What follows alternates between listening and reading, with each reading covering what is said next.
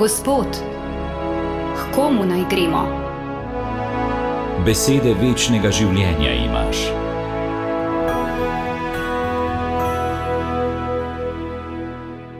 Drage poslušalke, dragi poslušalci Radio Ognišče, drage sestre, dragi bratje v Kristusu. Katoliška crkva v naši domovini in po širnem svetu se danes veseli in hvali Gospoda, ko obhajamo misijonsko nedeljo. To je prijazno vabilo, da vstopimo in, če je potrebno, na novo odkrivamo temeljno razsežnost, skrivnost in poslanstvo cerkve, ki je njen misionarski značaj, ki ga razodeva Jezusovo močno naročilo učencem, da nam je vsa oblast nebesih in na zemlji.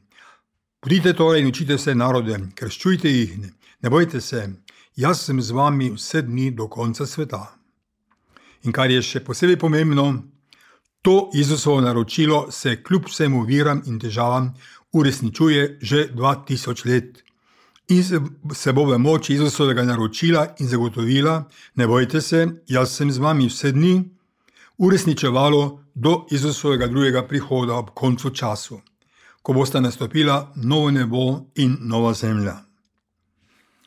O misijonskem poslanstvu priča zgodovina Cerkve. To Poslanstvo cerkve je prenovil, duhovno osvežil in osvetlil drugi vatikanski koncil, zlasti znamenito konstitucijo o cerkvi in v odloku o misijonski dejavnosti cerkve, ki se začenja z besedami k narodom ad gentes. K narodom je Bog poslal cerkev, da je bila vesoljni zakrament odrešenja.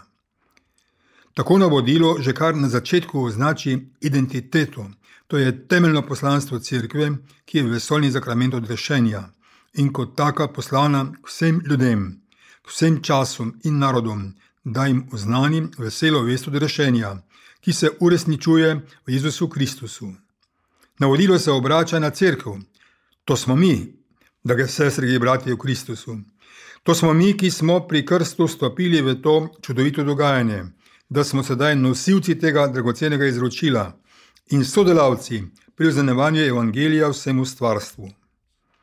Ko papež Frančišek v apostolski spodbudi veselje evangelija razmišlja o tej lepi nalogi, pravi, da je prvi nagib in spodbuda k sodelovanju pri oznanevanju evangelija globoka zavest našega odrešenja, našega veselja in hvaležnosti, da smo kristijani. Da je Jezus tudi nas poklical in nam je zasijala luč vere in nas bogatijo vrednote krščanskega življenja. Sedaj smo pa mi na vrsti, da dar, ki smo ga prejeli, izžarevamo, ga prinašamo svetu, ga oznanjamo, saj nam Jezus naroča, vi pa ste luč, tako naj sveti vaša luč pred ljudmi, da bodo videli vaša dobra dela. Misionarski značaj cerkve, oznanjevanje evangelija vsemu stvarstvu se uresničuje na mnogotere načine najprej in najlepši obliki po naših domovih in družinah. Vi, spoštovani starši in stari starši, detki in babice, ste prvi misionarji vašim otrokom, vnukom in vsem, ki z vami živijo in z njimi, se z njimi srečujete na poti življenja. V družini, v tej temeljni ustanovi družbe in cerkve, naj bi bilo dobro poskrbljeno za oznanjevanje evangelija in uvajanje mladega rodu v krščansko življenje. Družini pomaga župnija, ki naj bi imela ustanove, ki pomagajo otrokom, mladim in odraslim na poti vere, še posebej z obhajanjem zakramentov in drugih oblik krščanskega življenja.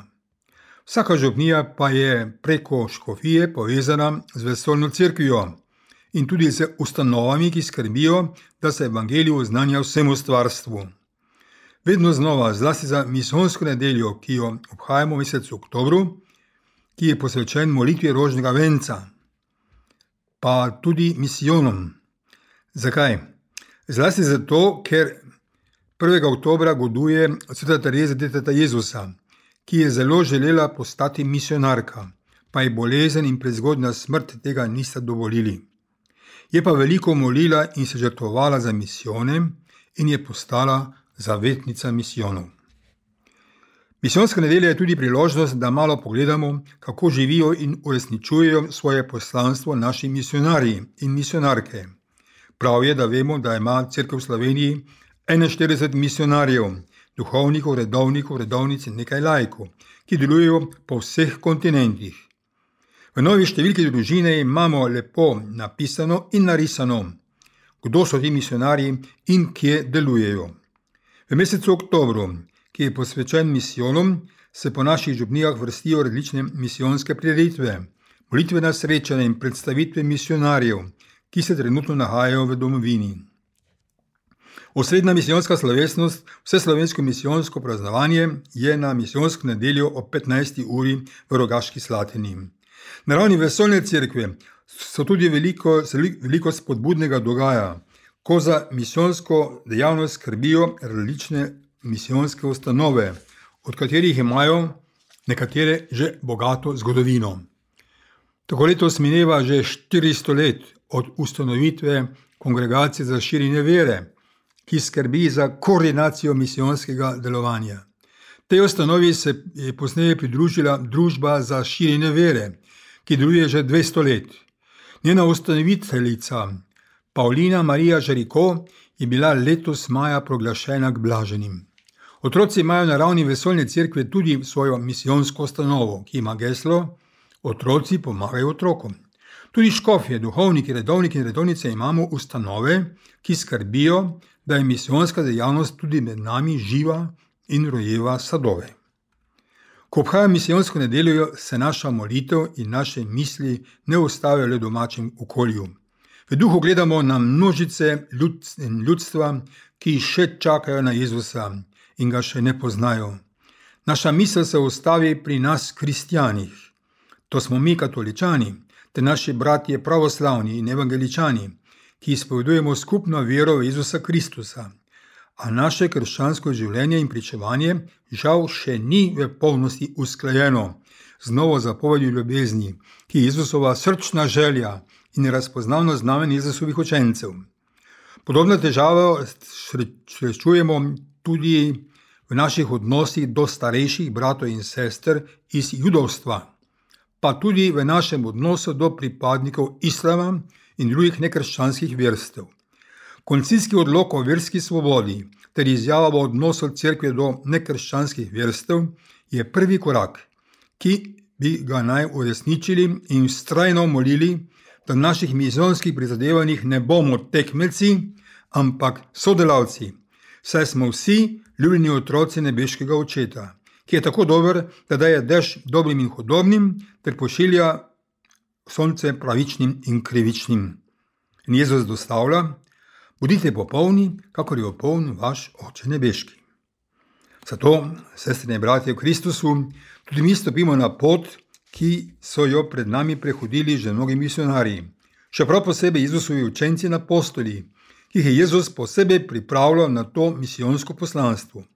Tudi takrat, ko je Petra, Janeza in Jakoba, tri imenitne predstavnike apostolskega zbora, peljal na visoko goro in se pred njimi spremenil in jim za nekaj trenutkov razodel svoje božje veličastvo. Ta dogodek oznanja četrta skrivnost svetlega dela rožnega venca, ki je na gori razodel svoje veličastvo. Ko v mesecu oktobru kratko predstavljamo skrivnosti svetlega dela rožnega venca, naj žlahtna vsebina četrte skrivnosti bogati tudi naše praznovanje misijonske nedelje. Zakaj je Jezus na gori izbranim učencem razdelil svoje veličastvo? Zato, da bi utrdil njihovo vero in jih pripravil na preizkušnje, ki bodo prišle. Naredil se je oblak, ki je v sedem pismu vedno znamenje Božje navzočnosti in Božje presežnosti in glas iz oblaka, v katerem prepoznavamo glas nebeškega očeta, je spregovoril: Ta je moj ljubljeni sin, njega poslušajte. In prikazala sta se Mojzes in Elija, dva imenitna predstavnika stare zaveze, in sta govorila z Jezusom. Učenci so bili zmedeni, preplašeni. Peter se je tudi tokrat prvi znašel in rekel: Gospod, dobro je, da smo tukaj, naredimo tri šotore.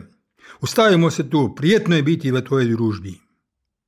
Sokenaki pravijo, da so trije šotori namik na judovski šotorski praznik, s katerim so ljudje slavili Boga za vsa njihova dobra, njegova dobra dela, zlasti za rešitev iz egiptovske služnosti.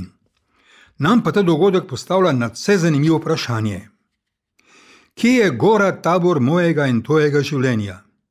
Kje je kraj mojega osebnega srečanja z Gospodom, s poveličenim Gospodom, kakor so se srečali z njim učenci na gori tabor? Isti Jezus, ki je nekoč zbral učence pri zadnji večeri in naročil, to delate v moj spomin, isti Jezus se sedaj z nami, ko smo zbrani pri sveti Maši in uresničujemo njegovo naročilo. Če se z nami nič ne dogaja, je nekaj narobe, je nekaj napaka. Peter na gori je bil ves prevzet in je skliknil: Gospod, dobro je, da smo tukaj. Naredimo tri šotore, ostanimo tu, prijetno je biti v tvoji bližini. Bratje in sestre, vprašajmo se, ali smo že kdaj skliknili: Gospod, dobro je, da smo tukaj. Dobro je, da smo kristijani, lepo je biti kristijan. Lepo je biti pri sedi maši in doživljati tvojo bližino, pri molitvi, pri obhajanju bogoslužja, o poslušanju branju Bože besede, pri molitvi rožnega venca, ko se zberemo k mizi in skupaj molimo. To nas osrečuje, to nas dviga, to nas bogati. To budi novo upanje, odpira pogled v prihodnost, nas povezuje z Bogom in med seboj. Misijonska nedelja je vabilo, da naša molitev objema vse ljudi, narode in ljudstva, ki Jezusa še ne poznajo in hrebenijo po luči, ki je prišla na svet. Naša molitev objema vse misionarje in njihove sodelavce, da so postili vse in šli za božjim klicem. Vendar je treba reči, da misijoni niso le nekje daleč v svetu. Ne, misijoni so tu, sredi med nami po naših vaseh in mestih srečamo že veliko nekrščenih, še več je tistih, ki so bili krščeni, a niso nadaljevali duhovnega uvajanja, niso prejeli svetega obhajila in svete birne, ali pa so se oddaljili od vere in cerkve, ter živijo in razmišljajo, kakor da Boga ni. Pa tudi mi sami nismo stoprocentni, nismo imuni. Nismo odporni proti vsem vplivom poradniške miselnosti, ki vdira v naše domove in družine, v sredo mojega in tvojega srca, mojega in tvojega življenja.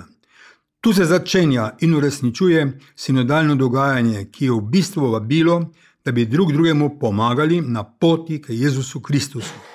Da se bo to zgodilo, moramo najprej sami stopiti in z vsem srcem in z vso dušo.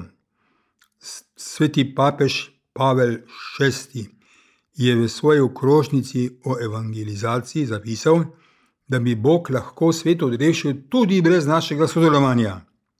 Je pa vprašanje, pravi papež, ali se bomo mi zveličali in dosegli polnost sedanjega in večnega življenja, če ne bomo uresničili našega misijonskega poslanstva, če ne bomo odprli vrata našega srca vetju svetega duha in rekli z apostolom Petrom: Gospod, dobro je, da smo tukaj, lepo je biti kristjan. Amen. Želim vam lepo nedeljo in vas blagoslavljam, meni očeta in sina in svetega duha. Amen.